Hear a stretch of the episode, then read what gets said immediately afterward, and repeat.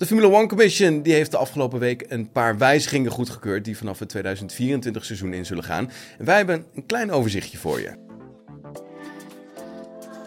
In 2024 gaan er zes sprintraces verreden worden, net zoals dit in 2023 het geval was.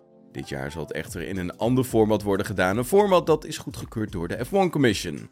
Het sprintraceweekend begint op de vrijdag met een training en daarna is het tijd voor de kwalificatie voor de sprintrace. Op zaterdag volgt vervolgens de eerste sprintrace, waarna de kwalificatie voor de Grand Prix wordt afgewerkt. Op zondag zal dan vervolgens gewoon de Grand Prix verreden worden. Het verschil met 2023 is dat de kwalificatie voor de race dus naar de zaterdag is gegaan, terwijl de kwalificatie voor de sprintrace naar vrijdag gaat en de sprintrace zelf nu als eerste sessie op de zaterdag verreden gaat worden in plaats van de tweede sessie.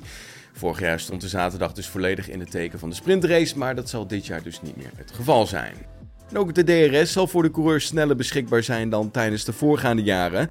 Normaal was dat na twee rondjes na de start, maar in 2024 gaat dit na het eerste rondje al het geval zijn. Dit om meer inhaalacties tijdens de openingsfase van de race te bevorderen.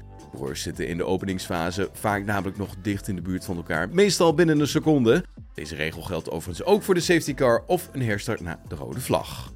Dan een wijziging die al vorig seizoen werd ingevoerd, was het aantal motoren voor elk coureur. Dit was de afgelopen jaren drie, maar werd vorig jaar verhoogd naar vier. Het plan was alleen om dit te doen voor het seizoen van 2023, maar ook in 2024 en 2025 zullen alle coureurs weer vier motoren mogen gebruiken, voordat ze bij hun vijfde motor pas een gridstraf krijgen.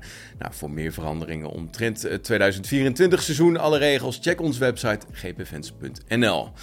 Dan Max Verstappen. Hij heeft zijn helm voor het seizoen van 2024 onthuld. Het seizoen dat op 21 februari begint met de testdagen. En vervolgens op 2 maart met de eerste race in Bahrein. Ja, moet voor Verstappen het seizoen worden waarin hij zijn vierde titel op rij wint. Op de helm vinden we onder meer de kleuren rood, wit en blauw, maar ook het logo van EA Sports en Verstappen.com. Daarnaast zijn er op de achterkant drie sterren te vinden, met erop de jaartallen 2021, 2022 en 2023. Ja, dit waren natuurlijk de seizoenen waarin Verstappen kampioen werd in de Formule 1. Ook een logo van Viaplay is op de zijkant van de helm terug te vinden. En verder is er natuurlijk ook weer een boel te zien en de naam van Rebel Racing en Oracle. bovenop de helm zien we ook een leeuw en die is vooral rood. En McLaren had in januari al als eerste team haar livery voor het seizoen van 2024 onthuld, maar maakt ook direct bekend dat het op 14 februari vandaag dus de auto zou onthullen. En dit is nu zonder een livestream en al te veel spektakel gebeurd. De MCL 38, zoals de auto heet, zal later vandaag te zien zijn op het circuit van Silverstone. De auto moet een verbeterde versie zijn van de MCL 60 van vorig jaar, die na een trage start tot leven kwam dankzij verschillende updates.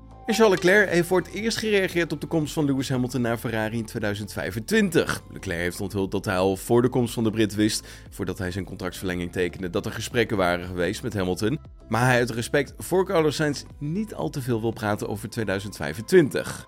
Tegenover de aanwezige media, waaronder Soy Motor, gaat Leclerc rondom de lancering van de SF24 voor het eerst in op de overstap van Hamilton naar Ferrari.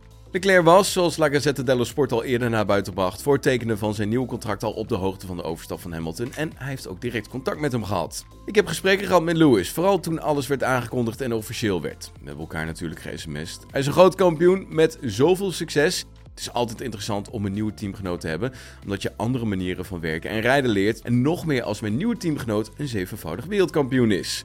Verder gaat Leclerc niet in op de overstap van Hamilton uit respect voor Carlos Sainz, die dit jaar gewoon nog zijn teamgenoot is.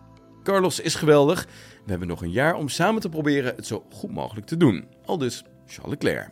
Was hem dan het GP nieuws hier op Spotify. Vond je dit een leuke aflevering? Vergeet ons dan zeker niet te volgen en dan zien we je later weer. Tot dan.